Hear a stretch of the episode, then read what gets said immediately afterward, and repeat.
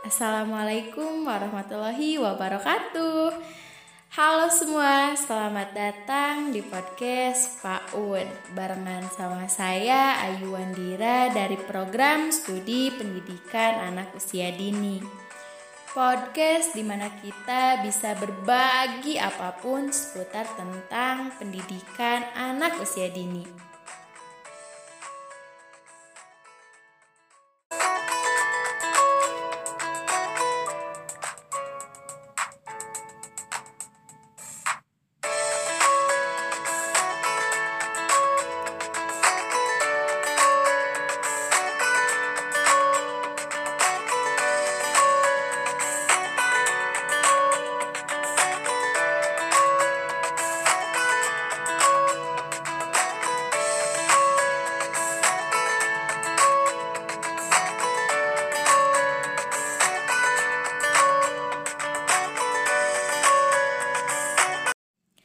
Oke, oke, oke. Baiklah, untuk yang pertama ini saya akan berbincang mengenai penerapan media video dalam pembelajaran anak usia dini di masa pandemi.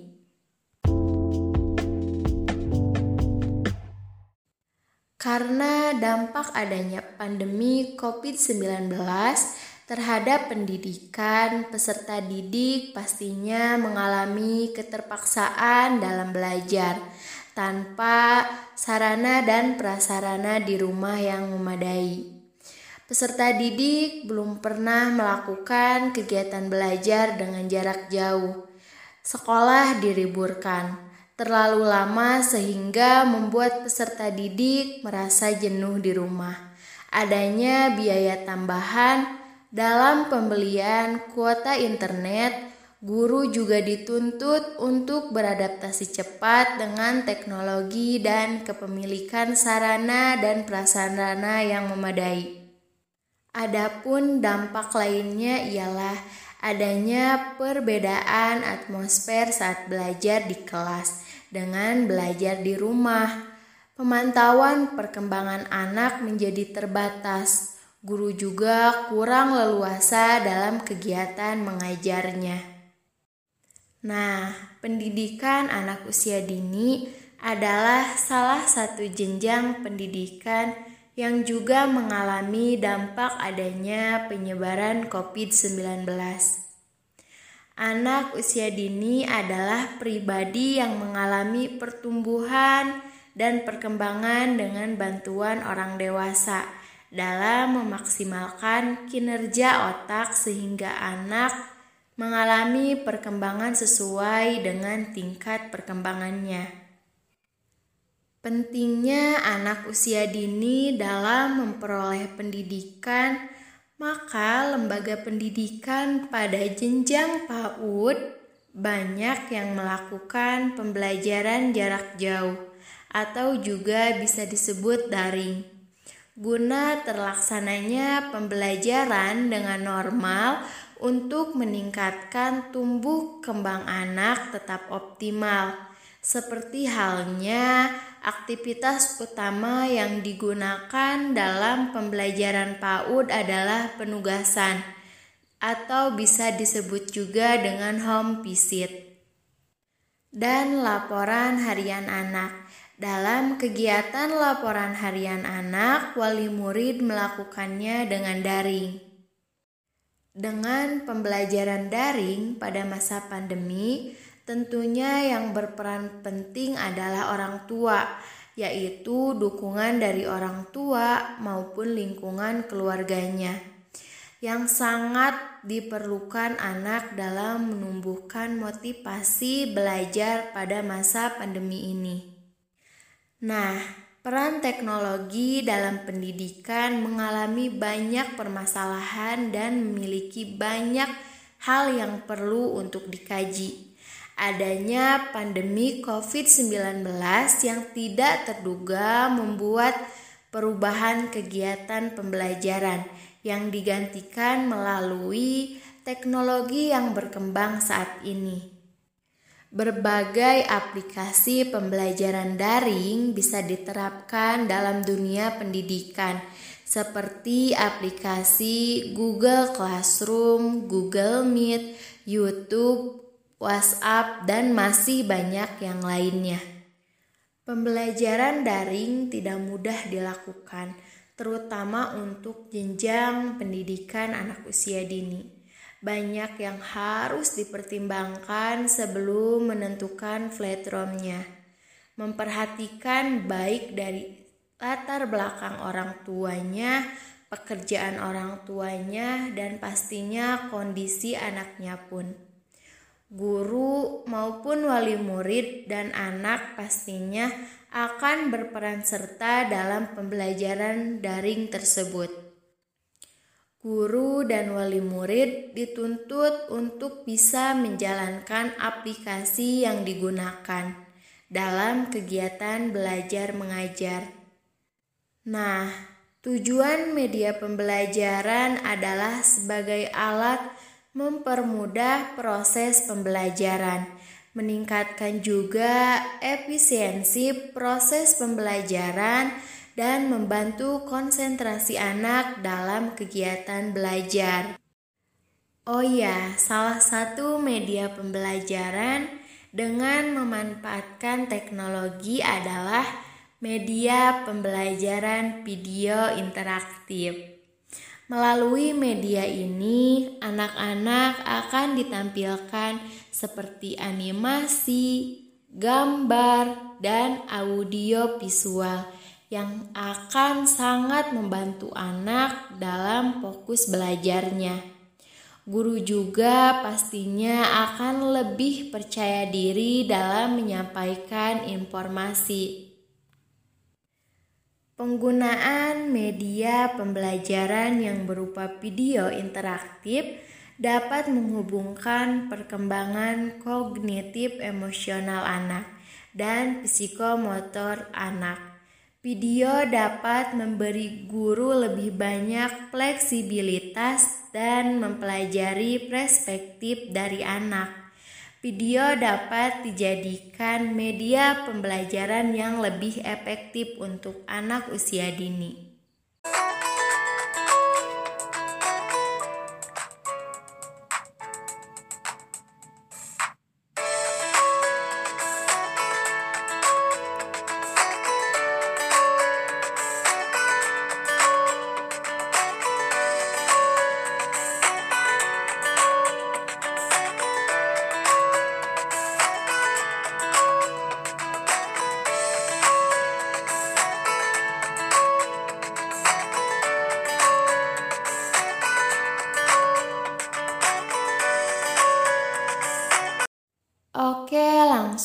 Saja topik yang pertama akan kita bahas ada bagaimana perencanaan media pembelajarannya dalam penerapan media video. Tentunya dalam perencanaan media pembelajaran pastinya langkah pertama adalah mengidentifikasi kebutuhan media di lingkungan PAUD itu sendiri, baik dilakukan melalui observasi, wawancara, maupun diskusi. Tentunya juga kesesuaian dengan gaya belajar anak adalah salah satu hal yang harus diperhatikan dalam pemilihan media pembelajarannya. Karena gaya belajar anak-anak pastinya bervariasi. Contohnya, ada yang memiliki tipe gaya belajar visual, seperti melihat televisi atau video. Ada juga yang auditif, yang lebih menyukai cara belajar dengan mendengar. Dan ada juga yang kinestetik, yang gaya belajarnya lebih cenderung suka melakukan dibandingkan membaca dan mendengarkan. Dan ya tentunya salah satu cara dengan pemberian video pembelajaran menjadikan anak-anak akan lebih tertarik dalam belajar. Mereka pastinya tidak akan monoton dan juga memotivasi anak dalam belajar dan tentunya anak-anak akan bisa melihat wajah ibu gurunya saat belajar. Setelah adanya sebuah perencanaan, pastinya ada pengadaan media pembelajarannya. Pengadaan media pembelajarannya langkah setelah dilakukan sebuah perencanaan. Pengadaan sumber belajar tentunya Pengadaan sumber belajar dapat diperoleh melalui beberapa cara, di antaranya seperti pembelian, menerima sumbangan, atau hadiah. Bisa juga bekerja sama ataupun membuat sendiri. Mengingat media pembelajaran yang digunakan adalah video, maka pembuatannya dilakukan sesama guru yang pastinya harus saling membantu. Pengambilan video juga pastinya harus dilakukan di lingkungan sekolah, baik di dalam kelas ataupun di halaman sekolah. Guru membuat video dalam pembelajaran dimulai dengan tahap-tahap seperti menyiapkan RPPH dan bahan ajar lainnya sebagai pendukung seperti gambar maupun lembar kerja anak. Guru menyiapkan skenario atau rancangan sederhana jalannya syuting yang akan dilakukan guru. Melakukan syuting bekerja sama dengan sesama guru kelas Nah, pada kegiatan awal, guru akan menyapa anak dan memberikan motivasi. Kemudian dilanjut dengan bercakap-cakap. Nah, terus ada kegiatan nilai agama dan moral. Setelah itu, dilanjut kegiatan tema. Setelah penjelasan tema, anak-anak diajak guru belajar dengan lembar kerja atau bisa juga dengan praktik langsung. Nah, tentunya dengan demonstrasi dari guru, guru juga melakukan kegiatan penutup. Tidak lupa dengan pemberian motivasi gambar, atau media pendukung lain ditempelkan di papan tulis. Penyimpanan dan pemeliharaan media pembelajarannya sangat penting untuk dilakukan, mengingat media pembelajaran tidak hanya digunakan satu kali dalam kegiatan belajar Guru bertugas menyimpan video pembelajaran bahwa video pembelajaran yang telah dibuat oleh masing-masing guru kelas akan dipindahkan atau disimpan ke laptop. Agar jika suatu saat guru membutuhkan video pembelajaran ini tidak perlu susah payah membuat lagi dan pemindahan dari telepon genggam ke laptop gunanya untuk menghindari sistem penyimpanan ponsel yang penuh yang nantinya akan menghambat pembuatan video pembelajaran. Media pembelajarannya juga harus disiapkan sebelum dilakukannya kegiatan belajar mengajar. Nah, mengenai penggunaan dan evaluasi pembelajarannya, penggunaan media secara optimal dalam pembelajaran tentunya. Teman-teman harus tahu akan penggunaannya dan mengasah keterampilan teman-teman dalam menggunakan media tersebut.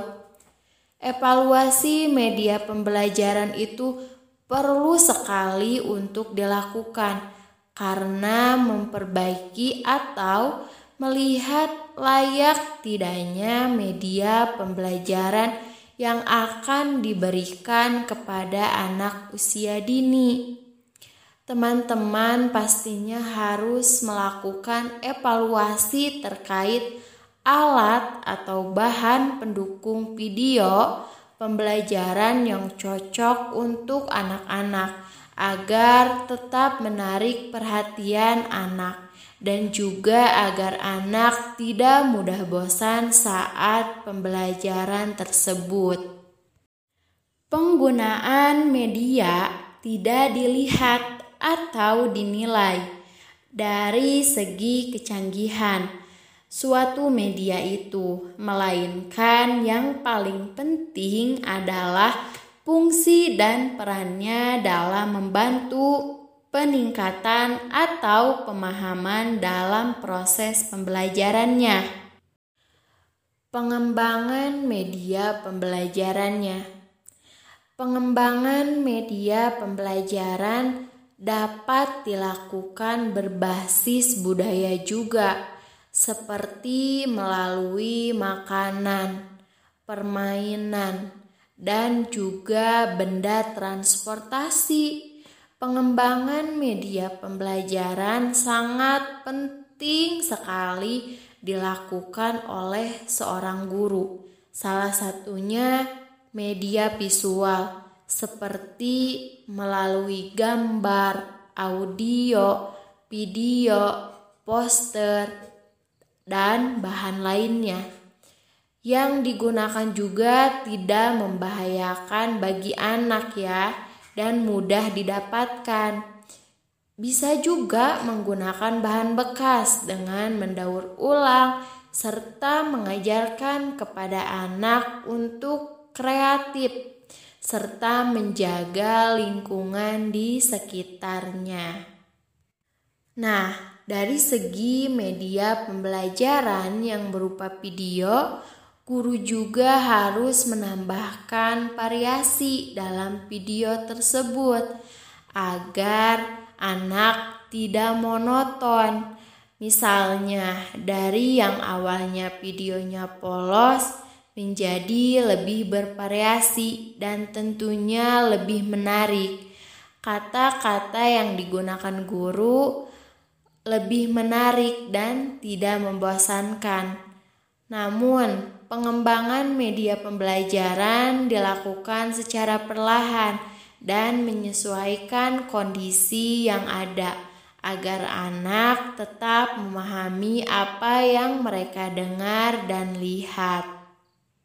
Pengaruh video pembelajaran untuk anak usia dini. Pengaruhnya apa? Pengaruhnya pengajaran akan lebih menarik dengan memberikan materi yang mendalam dan kepercayaan anak akan apa yang disampaikan gurunya.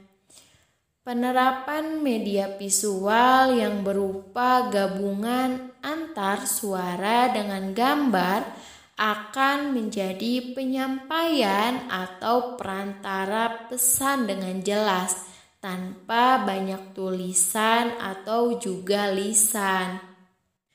Video pembelajaran yang digunakan pastinya akan merangsang pikiran, perasaan, dan kemauan anak untuk belajar melalui penayangan ide atau gagasan serta pesan dan informasi secara visual. Adanya video pembelajaran yang dirancang secara menarik mengakibatkan perhatian anak akan berpusat pada video pembelajaran yang ditampilkan. Dengan media video, pesan yang disampaikan lebih menarik perhatian. Perhatian inilah yang akan dalam proses belajar akan timbul rangsangan atau motivasi dalam belajar dan dapat juga mempercepat pemahaman pesan secara lebih komprehensif. Dapat membuat anak didik lebih berkonsentrasi tentunya. Nah, mengenai penerapan video pembelajaran daring anak usia dini, yang pastinya pembelajaran tersebut menggunakan alat bantu yang berupa video, yang di dalamnya terdapat berbagai informasi dan kegiatan bermain. Proses pembelajaran itu sendiri pastinya akan berpusat pada anak dengan menggunakan pendekatan saintifik yaitu 5M. Mengenal, menanya, mengumpulkan, mencoba, dan pastinya mengomunikasikan. Karena dengan menggunakan pendekatan saintifik, pastinya anak akan berperan aktif dalam proses belajar itu sendiri. Dan anak-anak akan diajak mengenal tema hari ini dengan pengetahuan yang sebelumnya diketahui anak. Dan ya pastinya guru atau teman-teman harus memberikan jeda pada video dan memberikan kesempatan anak untuk berpikir sejenak. Dan pastinya anak akan mengumpulkan banyak informasi karena banyaknya gambar yang diberikan guru dalam video yang dibuatnya. Pastinya juga isi videonya pembelajaran pun harus rinci dan jelas sehingga anak maupun wali murid memahami materi yang disampaikan guru dengan baik. Karena semakin berkembangnya teknologi saat ini membuat guru berpikir ulang terkait media pembelajaran yang akan digunakan dalam masa pandemi ini. Mengingat dalam masa ini, anak-anak melakukan kegiatan belajar di rumah dengan adanya teknologi yang canggih. Anak-anak dapat melakukan kegiatan belajar penggunaan media pembelajaran yang berupa video interaktif dapat menghubungkan perkembangan kognitif emosionalnya. Dalam penerapan video pembelajaran, guru mengemas pembelajaran daring dengan pendekatan saintifik, baik dengan metode demonstrasi, tanya jawab, maupun unjuk kerja. Pendekatan saintifik yang dilakukan guru tentunya dimulai dengan kegiatan mengenal. Dalam hal ini, guru akan sedikit memberikan demonstrasi untuk memperkuat dugaan anak-anak. Setelah mengumpulkan informasi, anak-anak akan mencoba kegiatan yang telah dibahas sebelumnya dan diakhiri dengan kegiatan mengomunikasikan di mana anak-anak akan setor baik itu kegiatan untuk kerja atau tanya jawab melalui rekam suara atau video yang akan dikirim orang tua kepada guru melalui WhatsApp group. Kegiatan mengomunikasikan dan tanya jawab yang dilakukan tidak secara langsung. Anak-anak akan menunjukkan kemampuannya dalam menyampaikan informasi atau gagasan terhadap kegiatan atau temuan yang telah ia temukan. Dalam mengimplementasikan videonya, guru membagikan video pada jam sekolah atau jam anak belajar dari rumah. Guru tidak memaksakan kehendak anak dalam belajar. Guru dan orang tua sudah bekerja sama jika anak-anak sedang tidak mau mengerjakan, maka harus ditunggu hingga anak-anak mau mengerjakan atau dengan memberinya motivasi. Dari segi pengumpulan video, foto, atau rekam suara, kegiatan belajar anak tidak ada batasan waktu yang singkat. Orang tua diberikan kelonggaran jika anak tidak ada kabar di WhatsApp grup selama sehari. Guru akan mencari tahu, baik menghubungi orang tua atau wali murid yang lain menanyakan kabar atau adanya kendala dalam kegiatan belajar. Dengan menggunakan video pembelajaran sebagai media pembelajaran daring, anak akan lebih mudah memahami pembelajaran. Kecenderungan anak-anak saat belajar di rumah tentunya Anak banyak malas jika belajar bersama orang tua. Anak-anak lebih percaya dengan guru dibandingkan dengan orang tuanya.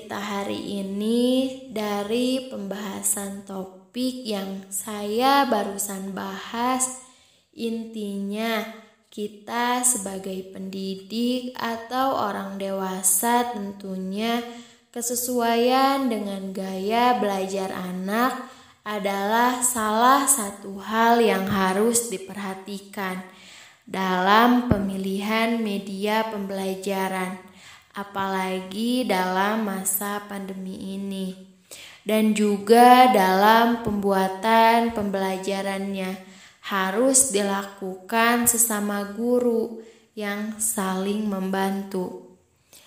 Dan dalam pembuatan video pembelajaran juga ada baiknya dibuat lebih menarik seperti penambahan efek, animasi, ataupun musik yang akan menarik minat anak dalam belajar.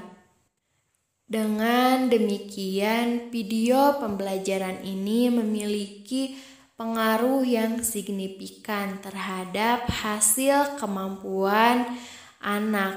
Oleh karena itu, disarankan agar dapat memilih media pembelajaran yang sesuai dengan perkembangan zaman, menerapkan pembelajaran yang aktif, inovatif, kreatif, efektif, dan menyenangkan, sehingga berpengaruh positif terhadap peningkatan kemampuan anak. Terima kasih sudah meluangkan waktu kalian untuk mendengarkan podcast ini. Semoga perbincangan kali ini bermanfaat.